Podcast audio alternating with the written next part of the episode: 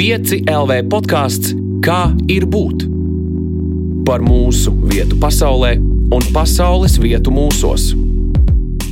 Sveiciens podkāstā Kā ir būt?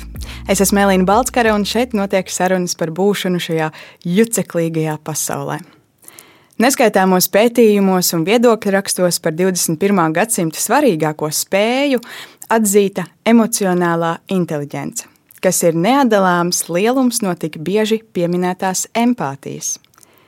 Taču empātija nav gluži plika līdzjūšana vai līdzjūtība. Tā ir cita veida praksa, kuru pandēmijas laiks, protams, pasvītrojas ar vistraknākajām līnijām.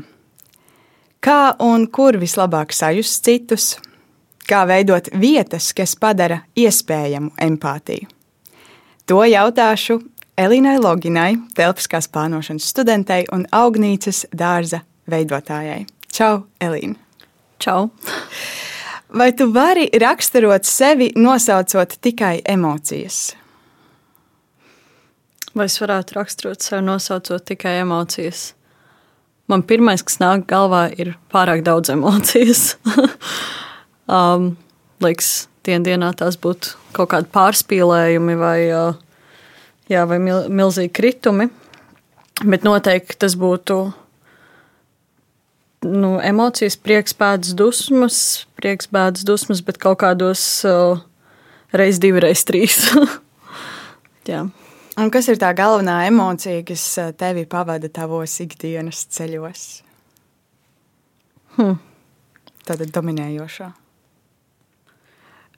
Es, es gribētu teikt, prieks, es vairāk liekas, jūtu bēdas, tad es liecos uz tādu melanholisku piestienu ikdienai. Un pastāsti, kas ir tas, ko tu ikdienā dari? Es ikdienā mācos, es pašlaik rakstu maģistra darbu, lai pabeigtu studijas šogad. Un, un, un vēl es esmu tādā foršā projektā Cēlā Pluriversitāte Uh, un, un, un uh, augnīcā, kas uh, aizņem ļoti lielu daļu no manas ikdienas. Ir tīpaši tāpēc, ka šobrīd ir pavasaris, marts un ir aktīvākā dārza darba plānošana. kas ir augnīca? Um, augnīca ir. Šo, šis ir vienmēr bijis sarežģīts jautājums. Um, nu pašlaik tas ir materializējies kā kopienas dārzs. Bet tas ir mazliet kaut kas lielāks. Tā būtu, es nezinu, tāda gribēšana un doma pilsētvidi padarīt veselīgāku un labāku. Kaut kādā jā, tādā prizmā.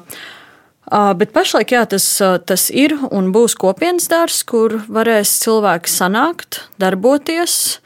Un es īstenot tādas, es nezinu, primāras vajadzības, primāras tieksmes, pašiem kaut ko būvēt, pašiem kaut ko, nu, nezinu, iegūt kaut vai pārtiku. Jā. Mhm. Kas ir tās lietas, vai vietas, vai parādības, kas ārpus tevis pašas palīdz tev sevi apzināties? Man vajadzēs vēlreiz atkārtot jautājumu. kas ir lietas, vietas, parādības, kas atrodas ārpus tevis pašas un palīdz tev pašai sevi apzināties? Hmm. Tas ir ļoti dziļš jautājums. Būtu ārpus manas pašas un palīdz man apzināties. Tāda, tāda klišeja skatu būtu, tā noteikti būtu ģimene. Um, visas vērtības vai visas domas, kas man ir nākušas, noteikti nāk no ģimenes. Tie būtu draugi, tie būtu jā, kaut kādi hobiji, tie būtu pārgājieni, tā būtu daba, vietas, tā būtu lauku māja, drustos noteikti, kur man omaņopis dzīvo, kur ir gotiņas arī ļoti liels dārzs un apkārt vidzemes meži. Jā, tas būtu laikam tās vietas, caur kurām es apzinos sevi, ir noteikti manas saknes un, un vietas, kuras esmu uzaugusi. Un tās arī būtu noteikti cēsis, kuras uzaugu. Un tā, tā ir tiešām tāda idila, ko es redzu. Kāpēc cilvēki un kāpēc vietas? Kā tas, kā tas tev palīdz? Kas ir tie procesi, kas ir tās domas, kas skatoties vai piedzīvojot šīs, šos cilvēkus vai šīs vietas, tev palīdz apzināties sevi? Mm. Tad sajūta, ka mēs, ka mēs uzaugam, mēs uz, uzaugam kaut kādu savus labāko formu un savu īstāko esamību. Un to visu redz ģimene, to visu, nu, mēs esam bērns, mēs, kā, mēs esam mēs paši. Un kaut kur laika gaitā tas viss var uh, pazust, var kaut kur sabrukt, uh, nezinu, tajā pašā tīņu vecumā, kaut kur noiet uh, no sevis nost. Bet tā lieta, kas palīdz atgriezties pie, tās, pie tā iekšējā es, noteikti, nu, manā gadījumā noteikti ir ģimene. Jo viņi tomēr pazīst vislabāk, un viņi arī pateiks, ka varbūt, varbūt tu kaut ko tagad uh, tur kārtīgi nevis nesaproti vai kā, bet tu esi sadomājusies vai nogājis no sliedēm. Vai, uh, jā, varbūt tādēļ nu, kaut kā asociējas man tās. tās Bērnības vietas vai ģimene palīdz man atgādināt, kāda es esmu sev kodolā. Jā.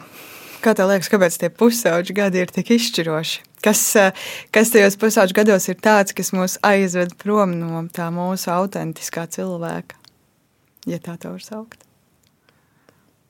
Nu, no, grūti teikt, kas eh, katram ir. Man noteikti bija kaut kāds spiediens, ja tā to var nosaukt, kaut kāds uh, spiediens iedarēties. Uh, arī, arī ļoti mazliet jāls skan, bet uh,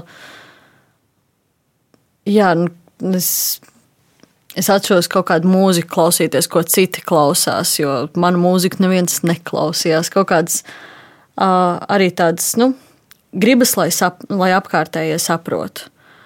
Un, um, jā, un tā sap, saprašana bieži sanāk ar pielāgošanos, un tajā pielāgošanas procesā, man liekas, arī var pa, pazaudēt to autentisko sevi. Nu, vienīgi, ja cilvēkam ir stiprs raksturs, tad jau nē. Vajag interesanti, man liekas, tas, ko tu saki um, par to klišejisko, ko tu minēji mm -hmm. jau divas reizes. uh, jo es domāju par šīm klišejām, un man liekas, Jā, kaut kas mums liekas tā pretdabīgi. Ne pretdabīgi, es nezinu, mums pretestība pret to mēs kā negribam teikt. Kaut gan patiesībā, nu, kāpēc tās kļūst par klišejām? Tāpēc, ka varbūt tās ir sava veida tādas lielas patiesības, kuras vienkārši jau ir tik daudz reižu pateiktas, ka mēs it kā no viņiem nogurstam, bet uh, varbūt tur jau slēpjas tā, tā lielā patiesība. Jā, tas varētu, kā teica, varētu būt kaut kāds absolūts nogurums mazliet. Uh, nē, es viņām nu, ne, nevaru nepiekrist, bet uh, ir tā, ka uh, viņas tiek atskaņotas uh, ikdienā. Tas pats arī par, uh, par klimatu, par vidi par visu, kas notiek mums apkārt. Tas ir svarīgi, tas ir ļoti svarīgi, lai mēs visi būtu veselīgi. Bet uh, vienā brīdī jau tagad, pieņemsim, tas pats zero waste vārds, viņš uh, jau lēnām, nu, viņam ir jau nepatīkama noskaņa rodās, tāpēc, ka viņš pieminēts tik ļoti daudz reizes. Varbūt mēs uh, nepienācīgi reaģējam uz šīm patiesībām. Varbūt, jā.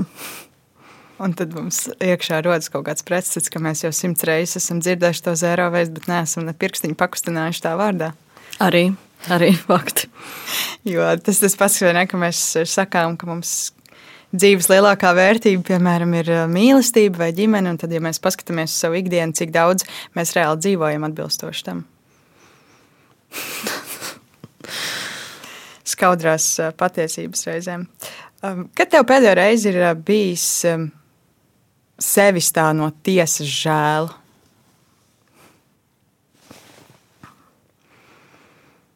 Hmm. Sevi žēl. Um, man nāk prātā pagājušā gada novembris, 2000, ne, tas nav pat pagājušā gada, tas jau tagad ir 2019. gada novembris.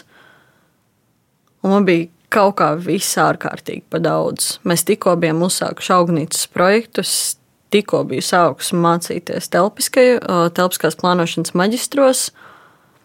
Un kaut kā tas viss periods bija tik uh, smags, kad nu, vienā brīdī es, es pilnībā salūzu, un tad man palika sevi žēl. Un kaut kā, kad uh, ir tā sajūta, ka uh, nu, mēs, mēs visi pa laikam sabrūkam, bet tas brīdis bija tāds, ka es jūtu, ka es nu, nevaru. Nevaru sevi kaut kā savākt, nevaru piecelties, kaut ko pierādīt. Un man liekas, ka tas bija pēdējais brīdis, kad man bija, uh, jā, var, var teikt, empātisks jūtas pašai pret sevi. Kādēļ liekas, mums vajag tā pašiem ar sevi empatizēt? Jā, jā. Um, kaut, kaut kur bija stāstīja, ka mums ir tas iekšējais bērns, un bieži vien mūsu tās kaut kādas pieaugušo cilvēku kaut kādi brīži, ka mums ir sevi žēl, ir tie, ir tie brīži, ka mums ir. Ir vajadzējis agrāk, lai mūs pažēlo. Un tas ir tāds dabīgais uh, refleks, kas mums ir radies vēlāk. Un, uh, nu, kas te vēl izdarīs uh, to, ja nu mēs paši būtu dīvaini, nu, ne dīvaini, bet uh, nu, jā, ap, apkārtējiem lūgt, lai žēlot, būtu tāds mazliet uh, egoist, egoistisks uh, solis. Kā tev liekas, tu sev pietiekami pažēlo ikdienā? Absolūti. Jā, jā. es tev apsveicu. Man noteikti tas vēl jāmācās. Um, vai tu laidi citus sev klāt? Es, uh, es par šo esmu daudz domājusi un sapratusi, ka arī iepriekš, ko es minēju, tas mans 2019. Uh, gada kaut kāds uh, sagruvums vai kas. Pēc tā, jā. Ja iepriekš es varētu teikt, man, man ir bijuši draugi vai kā, bet pēc tā es sapratu, ka uh, arī īstenībā pandēmija palīdzēja tam. Tas veidot tādas tuvas saiknes ar draugiem. Um, Tāpēc, ka nav visi tie ārēji apstākļi vai kas, kas to ietekmē. Katrs savā ikdienas gaitās skrien un dara, bet tomēr visi ir vienā kaut kādā laivā. Un jā, tad es sāku saprast, ka es laižu cilvēku klāt, es mācos to darīt. Un viena lieta ir draugi, kas, ko var nosaukt par draugiem, un otra lieta ir tiešām viņus arī laistos uh, līdz savai būtībai klāt. Un ta, tas reāli man atnāca tikai nu jā, sanāk, 22 gados. Un es domāju, ka daudziem cilvēkiem arī tā nav. Jā. Kas bija tas, tas klikšķis, kāpēc tu saprati, ka mm, es laikam vienu nevaru, man tomēr vajag vēl kādu? Hmm.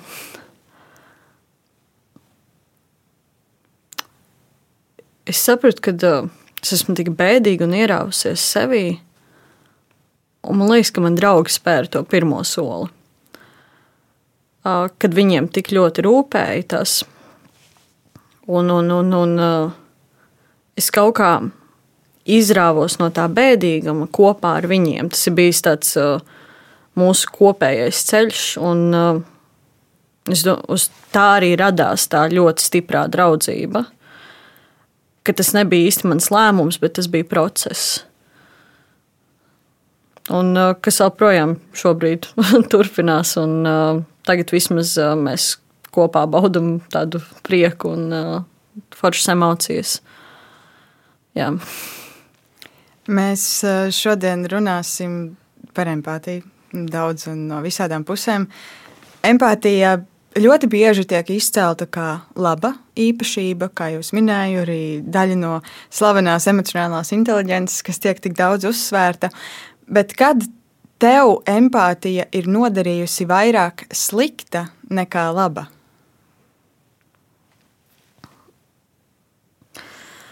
Um, tur es varu pieminēt uh, tādu lietu, ka uh, mēs, uh, ļoti, mēs dzīvojam ļoti foršā laikā, kad arī uh, sāk runāt par uh, dažādām mentālajām problēmām vai, vai depresiju, un, kas man liekas fantastiski, ka šī, par, šīs, par šīm lietām runā, ka tās izceļ. Un, um, arī es nonācu pie nezinu, kaut, kaut kāda veida nu, ne, nu, jā, diagnozes vai kā, bet uh, robežu stāvokļa personības traucējumiem. Un es sapratu, ka uh, uh, nezinu, šī diagnoze man palīdzēja saprast, kāpēc man ikdienā klājas grūtāk. Un tas arī ir, um, tās ir visas emocijas, ko ikdienā jūt, tās ir sāsinātas, uh, ieskaitot uh, empātiju. nu, ka, nu, es nezinu, vai tā ir precīzi, bet man tā šķiet, un to es izjūtu. Un, uh, noteikti šīs visas emocijas sāsinātāk, jūtot empātiju, arī jūtot sāsinātāk. Tā citreiz nāk kā tāds milzīgs akmens, kas uzguļās virsū. Un, uh, jā, tas ir. Būtu grūti to izskaidrot, ka tas būtu tāds ne kaut kāda konkrēta brīža, bet tā, tāda ikdienišķa parādība, tāda ikdienā papildus sloks. Bet uh, noteikti, ka tas ir man uzvirzījis uz ceļa, kur es esmu izdomājis studēt vidas zinātni un vēlāk telpisko plānošanu un uh, gājis projektos, uh, kas uh, man šķiet, ka ir vērtīgi kaut kādā ziņā. Kāda ir tā saikne starp tavu empātiju un šiem, šīm izvēlēm, šī, studēt, piemēram, vidus zinātni? Um, Vai tad vidus zinātni nevar iet studēt tikai tāpēc, ka gribās uzzināt par vidi? Nē, man šķiet, ka var noteikt, ka tā ir geogrāfijas fakultāte ļoti uh, augsta arī noslēdz uz vienkārši zinkāri, bet um, cik es pamanīju, runājot kursabiedriem vai sevi, tad tā ir tāda naiva arī ticība, ka varētu izglābt pasauli. Un, uh, man liekas, ka tur arī darbojas tas vārds empātija.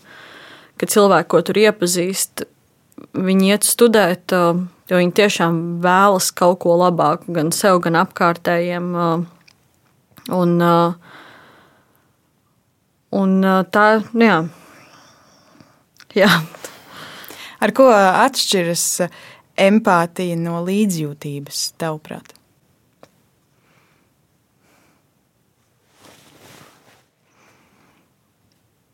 Man liekas, ka līdzjūtība kaut kādā veidā iedarās iekšā empātijas. Um, jā, ka tā būtu viena no empātijas kaut kādām sastāvdaļām. Jo līdzjūtība tā var būt gan, gan teiksim, tā pieklājīga, gan arī uh, vārds, vārdu tiešākajā nozīmē. Līdzi just un izjust uh, otru cilvēku, gan sajūtas uh, prātā, gan ķermeniski. Jā, kas man liekas, ka varētu būt kaut kāda nu, daļa no empātijas noteikti. Un tad kā tu definētu pašu empātiju? Ar visu labo un visu slikto, ar labo no līdzjūtības, ar uh, slikto no līdzatkarības. um, jā, man šķiet, ka uh, empātija ir grūti pateikt.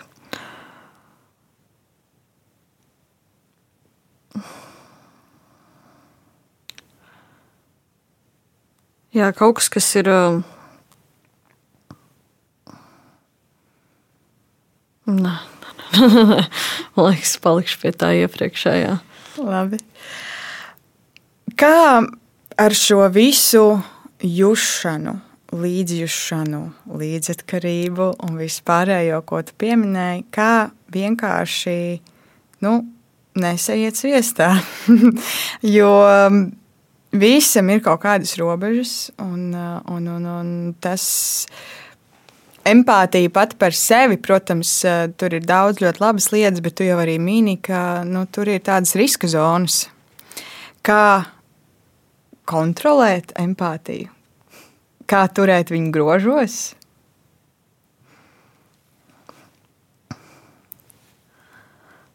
Man Šķiet, ka empātija arī ir no cilvēku uz cilvēku tieši īpašība. Un, ja cilvēks ir ļoti empātisks un ļoti emocionāls, tad ir jāsaprot otru cilvēku robežas. Cik ļoti daudz ar empātiskumu var nākt otru cilvēku telpā, vai arī tajā pašā pilsētvidē, cik mēs daudz varam nākt ar pareiziem risinājumiem un uzskatīt, ka tā ir pilnīga taisnība, novēlot cilvēkiem to labāko. Es domāju, ka lai cilvēks, kurš ir ārkārtīgi empātisks, nesaiet sviestā, tas ir arī tas ir laiks, kurā ir jāmācās un jāsaprot, kāda ir apkārtējā pasaule un cik ļoti tajā var nākt ar, ar savām izjūtām un saviem risinājumiem. Jā.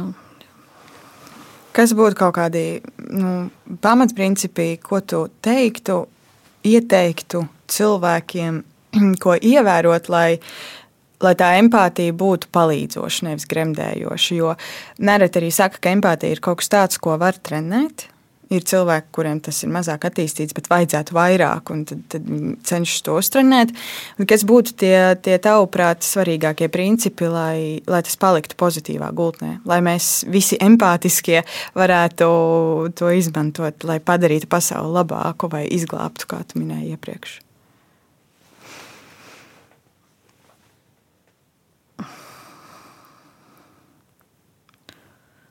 Tātad jautājums bija par to, kā to turēt grožos. Nu jā, kas būtu būt tādi pamatprincipi, lai, lai šo prasmi, šo mūsu pozitīvo, mm. potenciāli pozitīvo superspēju, lai mēs viņu tiešām izmantotu pozitīvi, lai mēs viņu netīšām neievilktu kaut kam iespējams pašdestruktīvā reizēm. Jā. Es domāju, ka tas varētu būt arī tieši, ko es iepriekš minēju par tām jā, cilvēku robežām, skatīties, jautāt, noteikti jautāt uh, apkārtējiem, vai, vai viņi ir ērti ar to. Um, jā. Kas būtu tāds vēl, ko varētu? Es domāju, ka tas ir man vienīgais kas nāk prātā, ir jautāt, un novērot un mēģināt saprast. Jo katra situācija noteikti ir citādāka, kurai pieiet klāt. Un uh, citiem empātiskums nāk dabiskāk, un citiem nē, es kaut kā jaucu laikam to ar komfortu. Man vispār liekas interesanti, ka ļoti daudz tas, ko tu saki par empātiju, ir tāds ļoti um, vērsts uzreiz uz ārēju darbību. Ma, jo man personīgi uh, empātija ļoti saistās ar kaut ko sākotnēji iekšupvērstu, ka tas tāds iekšējs tunelis, kurā tu reizēm krīti un sajūti, un tad tu to, vai nu to savu empātiju pārvērt kaut kādā tajā pozitīvajā rīcībā, vai nu mm. ļauj tam vienkārši sevi reizēm nu, tur apēst iekšā. Jā, jā. Nē, es saprotu, ko tu saki. Es laikam esmu kaut kā laika gaitā. Uh, kaut kādā veidā sev mēģinājis nedomāt par to sajūtu centusies to kaut kādā veidā arī apslāpēt, lai nebūtu tas destruktīvais virziens. Un vērsus tiešām to uz kaut kādu ārēju. Es domāju, ka augnīts arī ir kaut kāds ārējs, ārēja darbība, lai to materializētu. Jo, ja es ikdienā domātu tik daudz, kā es varētu palīdzēt videi, pilsētā, telpai, un saprastu, ka vairākām lietām tur nav risinājumu, tas man vienkārši apās dzīvu. Un, jā, tajā brīdī saprotu, ka citreiz ir. Tas, tas galīgi neizklausās veselīgi, bet bloķēt to sajūtu, kaut kādā veidā viņu to arī apslāpēt. Um, Jo, ja to izjūt pa daudz, tā noteikti ir destruktīva. Un pa empātiju. Bet atkal, ja tas ir saistīts ar citu cilvēku, ar kādu draugu, ar ģimeni, atkal atļaut to sajūtu kaut kādā mērā.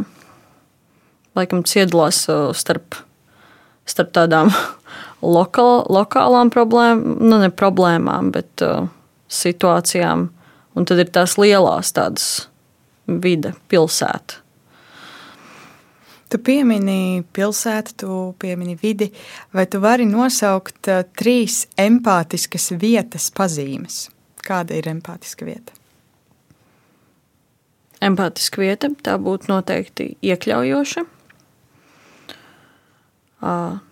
Iekļauš, iekļaujoša un pieejama.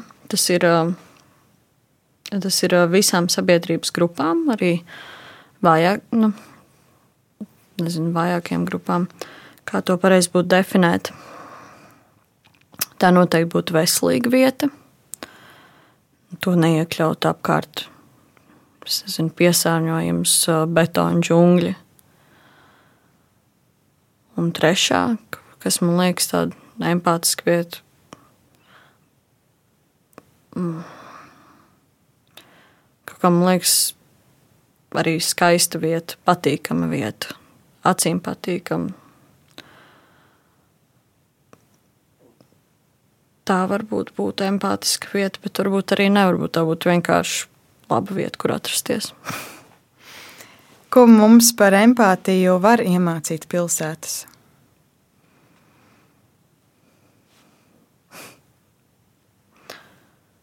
To, ka kādu laiku noteikti nav bijusi empātiska plānošana. Um, jā, to, kad uh, es, es reāli to redzu tikai tagad, kad atkal pilsēta sāk virzīties uz uh, ne tikai empātisku, bet vispār veselīgu, labvēlīgu plānošanu vai uh, vidi mums apkārt. Nu, tas nezinu, tas pats ar uh, gājēju vietu pilsētā, tas pats ar jā, to, ko es vairākas reizes pieminēju, ar veselību, ar zaļumu, ar nu, jā, piesārņojumu. Un... Tu mini, ka tas ir tas, ko tu ieraugi tagad, vai tu tiem cilvēkiem, kuri nav to redzējuši, vai tu vari tīri vizuāli izstāstīt, kur es izējot tagad ārā no studijas, kur es varēšu ieraudzīt to, ka pilsēta nav uh, bijusi plānota empātiski. Kas man par to liecinātu? Par to varētu liecināt, tā, izējot ārā no studijas. Nē, nu, vecrīgā jau ir diezgan ļoti jauka situācija gājējiem Vismaz man tā šķiet, nākot šejieni. Um, tā varētu būt tāpat arī krastmala, kur ir uh, pilns ar mašīnām, pilns ar, uh, nu, man personīgi liekas, ar piesārņojumu četras joslas gar pašu vecrīgu, uh, dažiem kokiem malās. Vispār četras joslas pie vecrīgas uh, tiktām pāri, lai tiktu pie Daugavas. Tas, uh, šķiet, ka pilsē, pilsētā cilvēks ir tik mazs un tik nesvarīgs. Kaut gan pil, nu, tādā centrā man šķiet, ka cilvēkam tieši ir galvenā loma. Jā, un uh, es tā padomāšu, kas varētu būt tāds vēl neempātisks.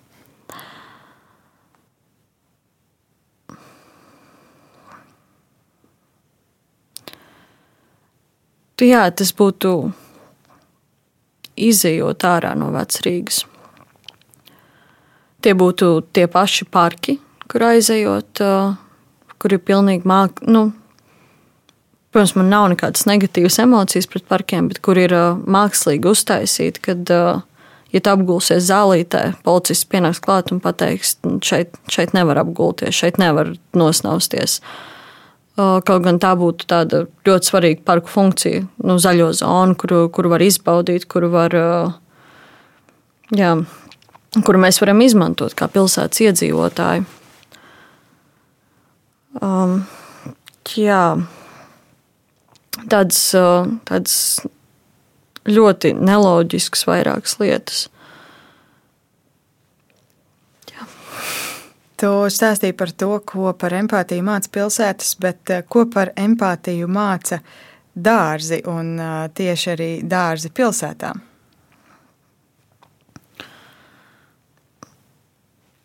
Man šķiet, ka dārza pilsētā kaut kādā veidā reprezentē rūpes. Tas ir, tas ir rūpes gan par pašu dārzu, gan arī man šķiet, ka cilvēki, kuri arī nu, ir gatavi iesaistīties, veidot šos dārzus, viņiem ir iekšā kaut kāds dzinulis parūpēties par pilsētu. Un uh, parūpēties par, uh, jā, par, par cilvēku kā tādu, par kopienu, par vidi. Un kaut kā neiet tur runāšanu. Tev ļoti labi iet. Um, es domāju, ka šādas mazas iniciatīvas ir. Kā cilvēki var izpaust to, ka uh, viņiem rūp tā vide apkārt un kādu viņi to vēlās. Un, uh, jā, ka viņi vēlas kaut ko cilvēcīgu. Un tas nav liekas, tikai dārziem. Tas ir, kad cilvēki saka, ka viņi vēlas velosipēdiņus, kad viņi vēlas kādu ielu bez mašīnām. Kad, uh, kad viņi vēlās kaut kādu zaļumu vai protestē pret Marsa parka izciršanu. Tās ir tādas uh, lokālas darbības uh, cilvēkiem, kuriem rūp un uh, kuri arī jūtas empātiski pret to vietu, kurā uh, tie dzīvo. Jā, jo dārsts ir tikai absolūti viena izpausme no vairākām, ko var īstenot. Un, uh, jā. Tu piemini rūpes, kāda ir rūpju saikne ar empātiju?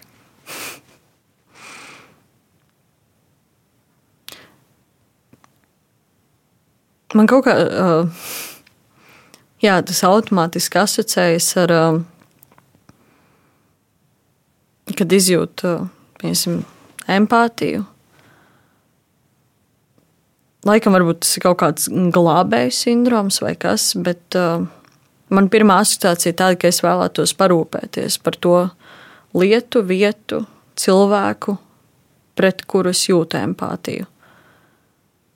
Nu, ja pieņemsim, tā ir slikta sajūta, es vēlētos, lai tā vairāk nebūtu. Tur laikam tas rūpes, tas vārds nāk iekšā. Vai var būt tādas patiesas rūpes bez empātijas?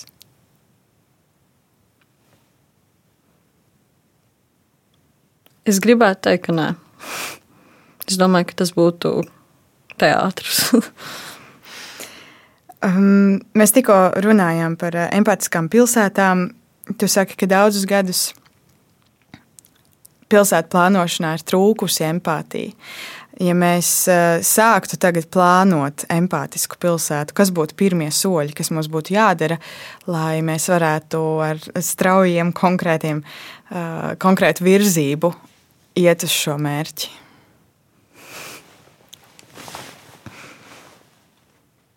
Tur, man liekas, sākas tāda utopiskā plānošana. Um, es pusgadu uh, nodzīvoju Nīderlandē, tādā pilsētā Hroningena. Un, um,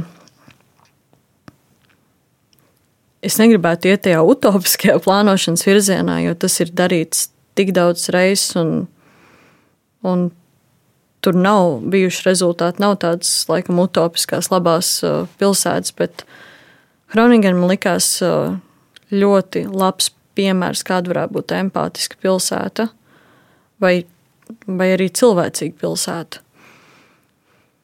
Uh, tā ir līdzīga kā cēsis, salīdzinoši maza izmēra. Tas nozīmē, ka uh, visur var aiziet ar kājām. ja cilvēks vēlas izstaigāties, nevēlas izmantot transportu, centrā nav vispār mašīnu, un viss ir savienots ar veloceliņiem, gājējiem. Tas nozīmē, ka gan gājējiem, gan velospēdistiem priekšrokas un mašīnas cirkulē apkārt pilsētai. Tur, pieņemsim, viena no ielām, tur ir visādi arī ārzemju veikali, bet, piemēram, viena no ielām ir atvēlēta tikai gājējiem un tikai lokāliem veikaliem, tās pilsētas uzņēmējiem. Un viņi ar šādiem plānošanas risinājumiem cenšas padarīt pilsētu foršu tās iedzīvotājiem, foršu cilvēkam, lai tas nejustos mazs, bet diezgan svarīga tās pilsētas sastāvdaļa. Un, protams, ar veloceliņiem tas ir uzreiz automātiski nāk tāda iekļaušana. Tie, katra apmalīte ir uztaisīta tā, ka ratiņkrēslu varēs mierīgi tikt augšā bez problēmām uz ietves gan māte ar bērnu ratiņiem. Un, à, kas man likās interesanti, tur ir luksofori, kas mainās ātrāk gājējiem un velosipēdistiem, ja ir lietus ārā. Tas man lika, likās rītīgi forši, lai nu, ilgāk nav jāstāv un mašīnas pagaida ilgāk. Un tur, man liekas, nāk tāda, tāda, tāda forša plānošanas pieeja, par ko mēs, ja mēs Latvijā sāktu par to runāt, nu vēl pašlaik. Liktos kā pilnīgs absurds.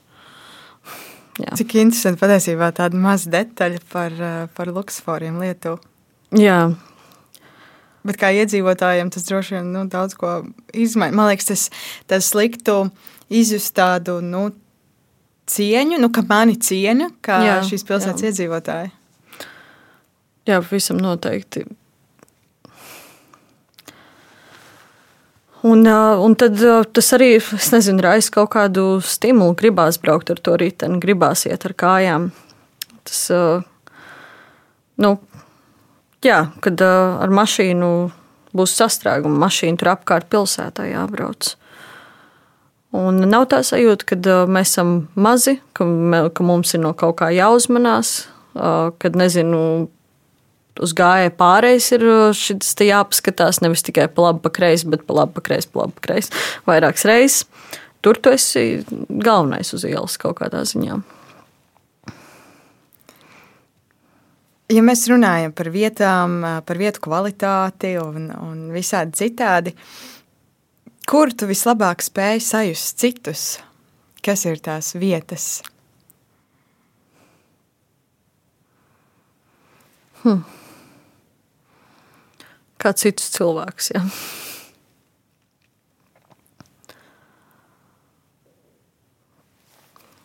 Vietas vai situācijas droši vien. Jā. Um, nāk galvā Kaņepes kultūras centrs, bet tas varbūt tāpēc, ka es esmu pēdējās nedēļas par to domājis visos pandēmijas ietvaros, kad es uh, pirmais, kad ierobežojumi tiks noņemti vai situācija uzlabosies, pēkšņi rīt un aizbraukšu uz Kaņepi. Um, nākamais ir, uh, kurš labi izjūt cilvēks, ir noteikti cēsis. Man arī bija uh, ļoti liels prieks pastrādāt divus mēnešus pagājušajā gadā pašvaldībā. Man likās interesanti, ka katru rītu, kad es cēlos uz darbu, man bija tāds sajūta, ka es pamostos ar visu pilsētu vienā laikā. Visi devās uz darbu, visi devās uz skolu.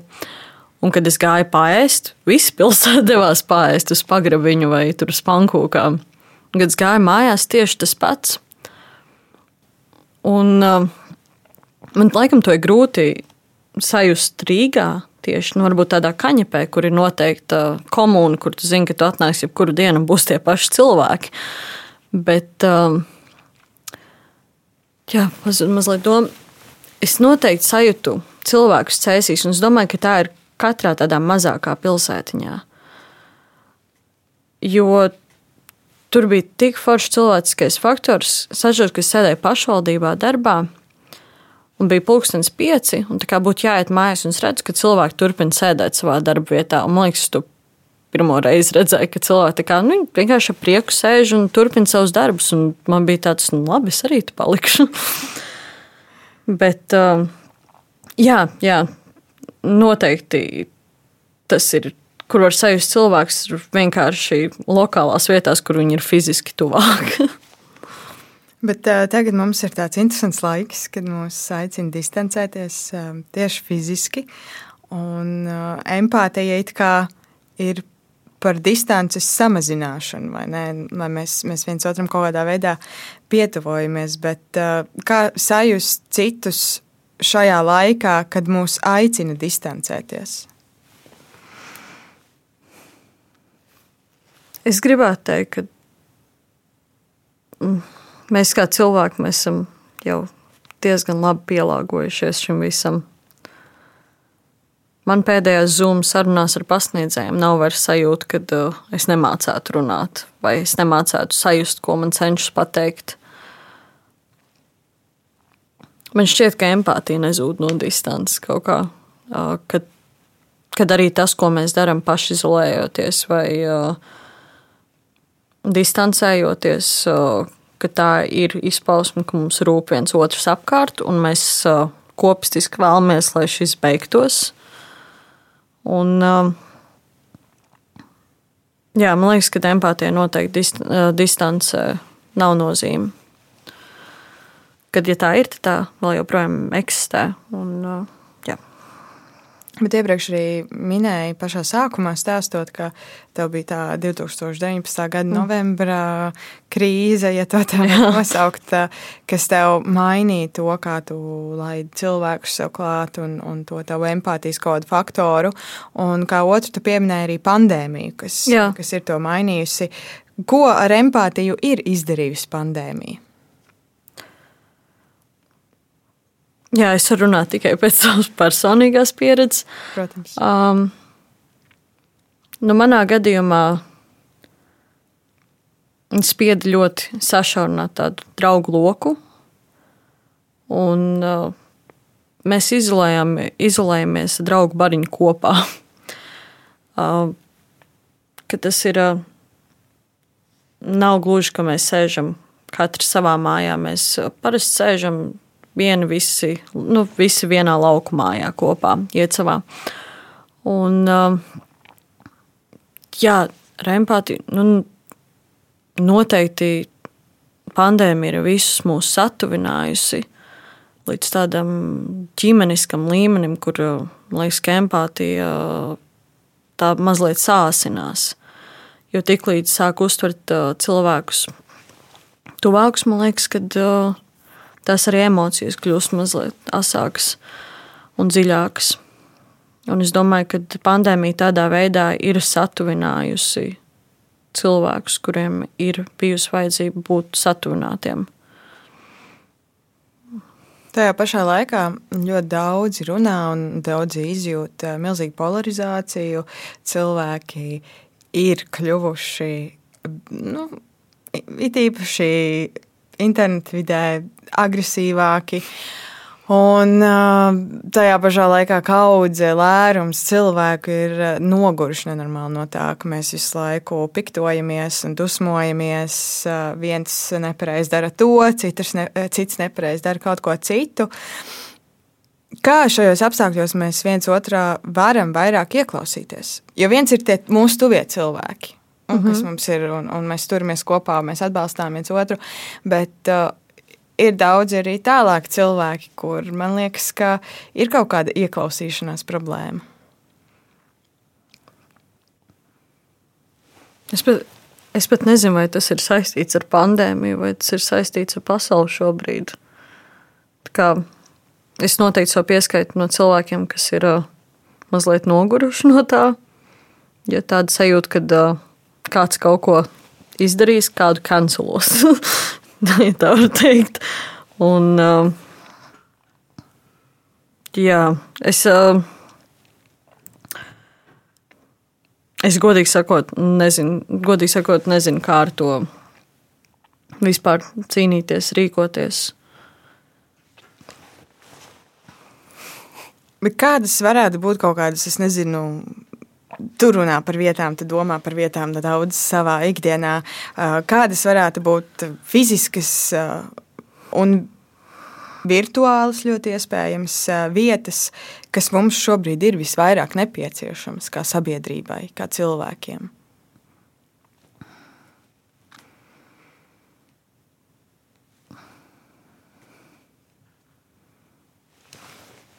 Man liekas, fiziskas vietas mums ir Latvijā ļoti paveicies ar to, ka mums ir daba, ka to var izmantot.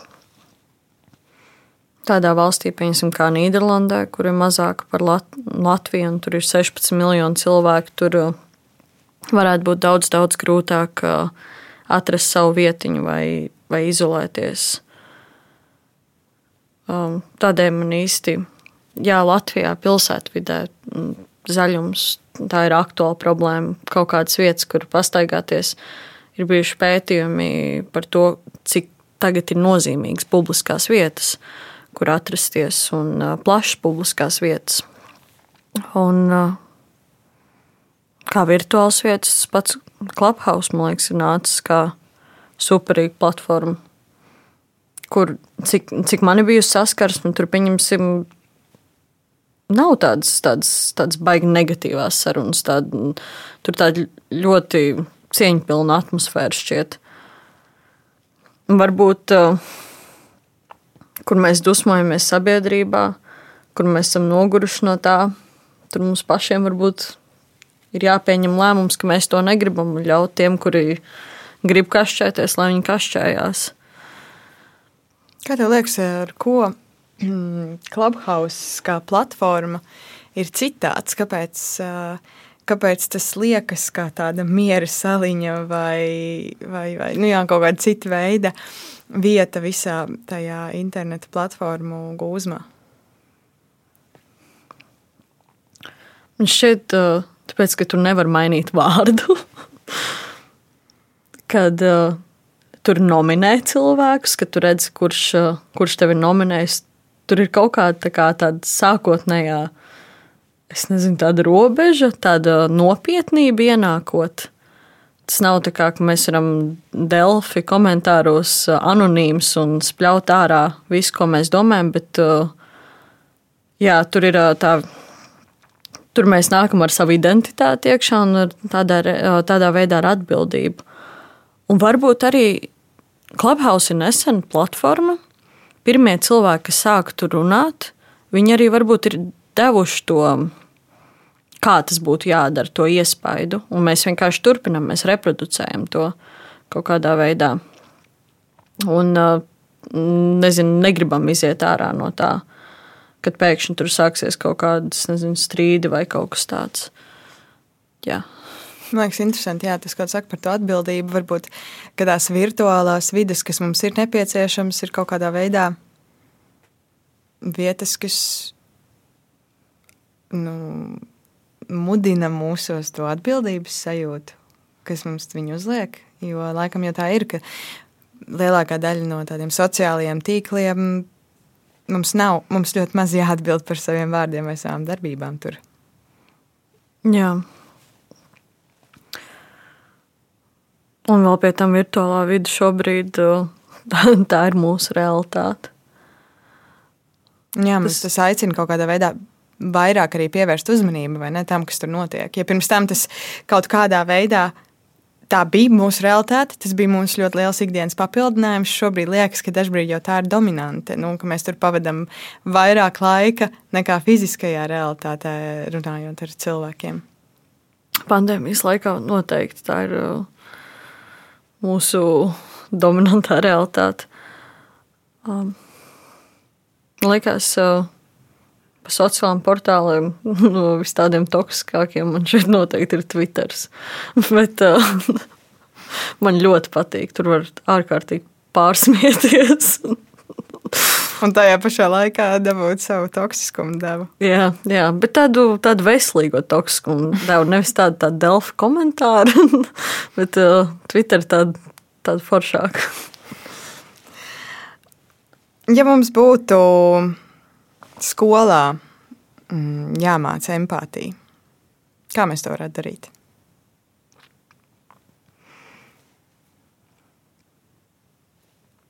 Man liekas, ka um, es nezinu, vai vēl projām ir, bet skolā bija varēja izvēlēties kristīgo mācību un ētiku. Un es atceros, ka ētikā bija jāizspēlē situācijas, kas bija, man liekas, caur to man arī kaut kādā veidā mācīja empātiju. Tur bija problēma situācijas, kaut kādi kašķi, un kā mēs viņus risināsim. Un skolotāji vadīja to visu situāciju. Un tur arī mācīja, kas ir teiksim, tā pareizā rīcība. Nu, nezinu, tur, kas tur varētu būt. Kaut, kaut kas kādam tur iesit, atvainoties vai kaut kas tāds. Un, Varbūt tā nav gluži empātija, bet empātija kaut kādā veidā arī saistās ar to pareizo rīcību, kas ir, kas ir labs un kas ir slikts. Um, tāds tāds uh, kaut kāds modernāks variants ir lomu spēles, ko, ko var risināt. Visādas arī situācijas izspēles. Jā. Un uh, ārpus skolas, šodien, pandēmijas realitātē, es gribu iet mājās, un es gribu labāk sajust citus. Es gribu saprast, uh, iedziļināties, jo es teorētiski apzinos, ka tādā veidā es varu piedāvāt labākus risinājumus, es varu labāk apzināties problēmu vai ne caur empātiju. Um, kā es varu trenēt un uzlabot savu spēju empatizēt?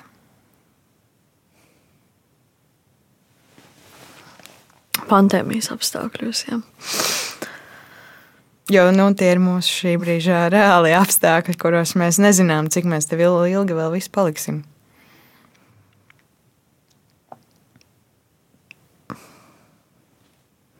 Ja es saskartos tādu jautājumu, es gan jau aizietu kaut kur pilsētā, apsēstos soliņu un vērotu. Tas man liekas, ka ir viss, ko var izdarīt vai rakstītu cilvēkiem vēstules, jautātu. Gribētu sagaidīt atbildes, kas ir, nu, nav pieņemsim, Facebook vai īsiņā vai kur, bet pārdomātas. Um, bet jā, visticamāk, vērot, jo tāpat mēs kaut kādas ikdienas problēmas jau tāpat cilvēkiem būs uz ielas. Mēs varam spriest, mēs varam domāt līdzi un mēģināt saprast viņu ikdienas gaitas un ikdienas problēmas. Vai, nezinu, aiziet no tā viena soliņa, aiziet uz kaut kādu citu apkaimu, zāģens kalnu, apsēstos, pastītos, kā tur ir. Pastītos uz pensionāriem autobusu pieturā. Kā viņiem vispār viss šis ir? un, jā, nu, tā, tā, lai būtu vismaz saikne no, ne no tās virtuālās, bet realitāte. Jo nu, šobrīd jau nevar pieiet klāt un pajautāt, hei, kā tu jūties. Nu, no divu metru attālumā, gan jau bišķiņu vairāk pabļaut. Bet kas ir tās acis, ar kurām ir jāskatās, lai es ieraudzītu pieturā vairāk par uh, omīti, kas sēž ar savu maisiņu iepirkumu un gaida nākamo transporta līdzekli? Kā ir jāskatās, lai ieraudzītu?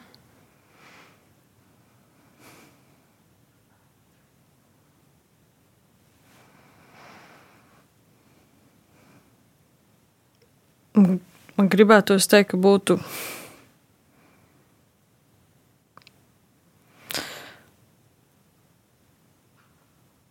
Es nezinu, es, es laikam, jā, vēl joprojām varu tikai no sevis teikt, ka es skatītos vienkārši caur, caur sevi, caur kaut kādu ļoti lielu atvēršanos. Varbūt tur kaut kādu stāstu piedomāt viņai klāt, kaut kādu novērotu grimas, kaut ko tādu. Nu, tur, nu jā, laikam es, pie, es reāli piedomāju stāstu viņai klāt. Tur, es nezinu, ej no turienes, kas notiek, kas pa vīrusu. Kāpēc man ir jāvelk sejas maska? Pastītos, kā viņi iesēžas autobusā. Kā tev liekas, vai stāsti ir tie, kas mums var palīdzēt? Kaut kādā varbūt savas izklaidēšanas lietā, jā. Bet empatizēt. jā, jā.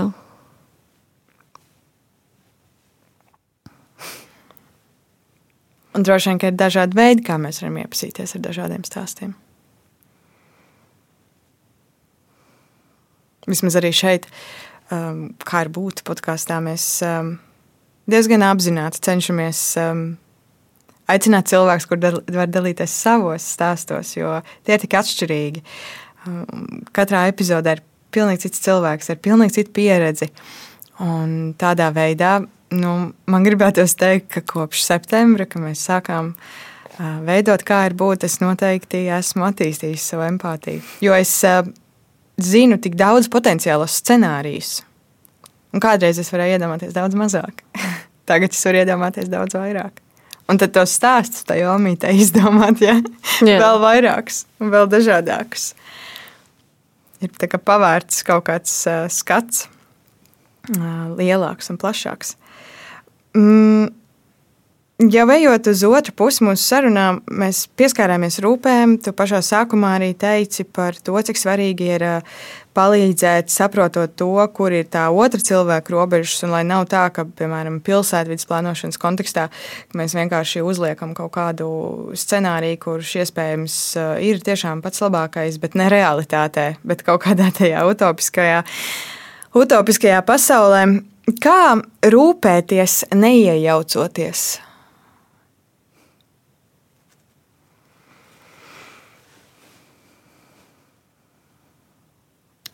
Rūpēties, neiejaucoties. Tā, ja tas būtu piemēram ar pilsētvidi, man ir bijis tāds uztraukums. Mums ir visiem, nezinu, piemēram, man arī šobrīd ir idejas, kāda varētu būt tā ļoti foršā un labā pilsētvide.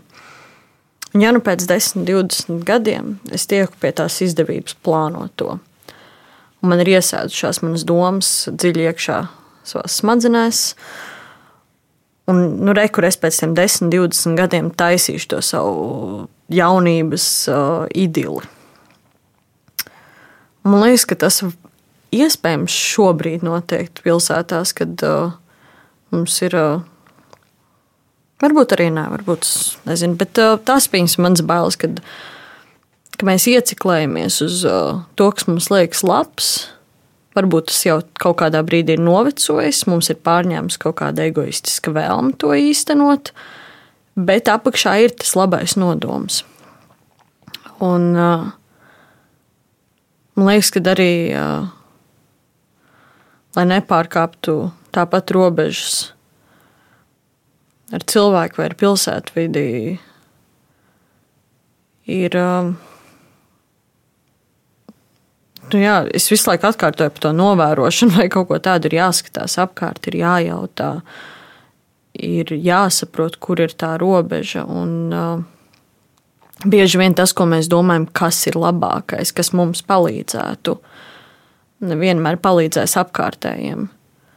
Ta, tas ir kaut kas, ko es konstanti mācos. Pieņemsim, tā, ā, tā pati lieta, es esmu bēdīga. Man vajag, lai kāds man pienāk klāt. Es redzu, ka kāds cits ir bēdīgs.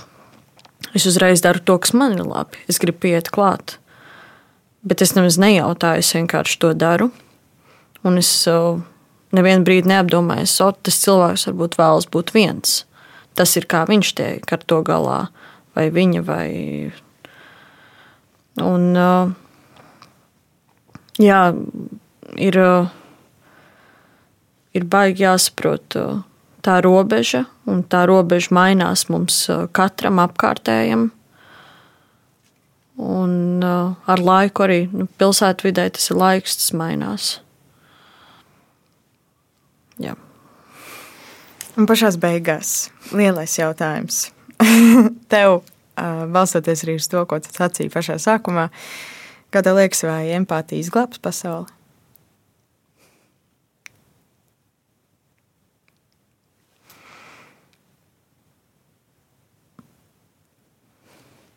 Es domāju, ka jā. Es domāju, kas, kas cits varētu. Es, ne, es nevaru. Es nevaru nosaukt nevienu citu lietu, kas varētu izglābt pasauli, ja, tās, ja tā nav empātija un kas nāk viss ar to līdzi.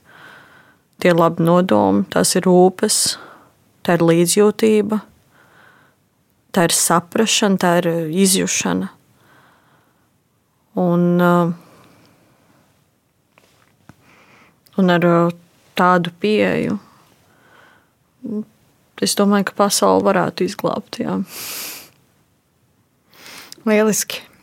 Iesim mājās, vērosim, jo mēs zinām, kas ir, kas ir atslēga uz uh, savas empātijas attīstīšanu, un, uh, un kas tev zina, ka jūs esat gan empātiski, lai izglābtu pasauli. Paldies, tev, Elīna, ka tu atnāci un ka tu parunājies. Un paldies arī tev, ka klausījies. Mēs tiksimies pavisam drīz, bet pagaidām atā. Paldies, atā!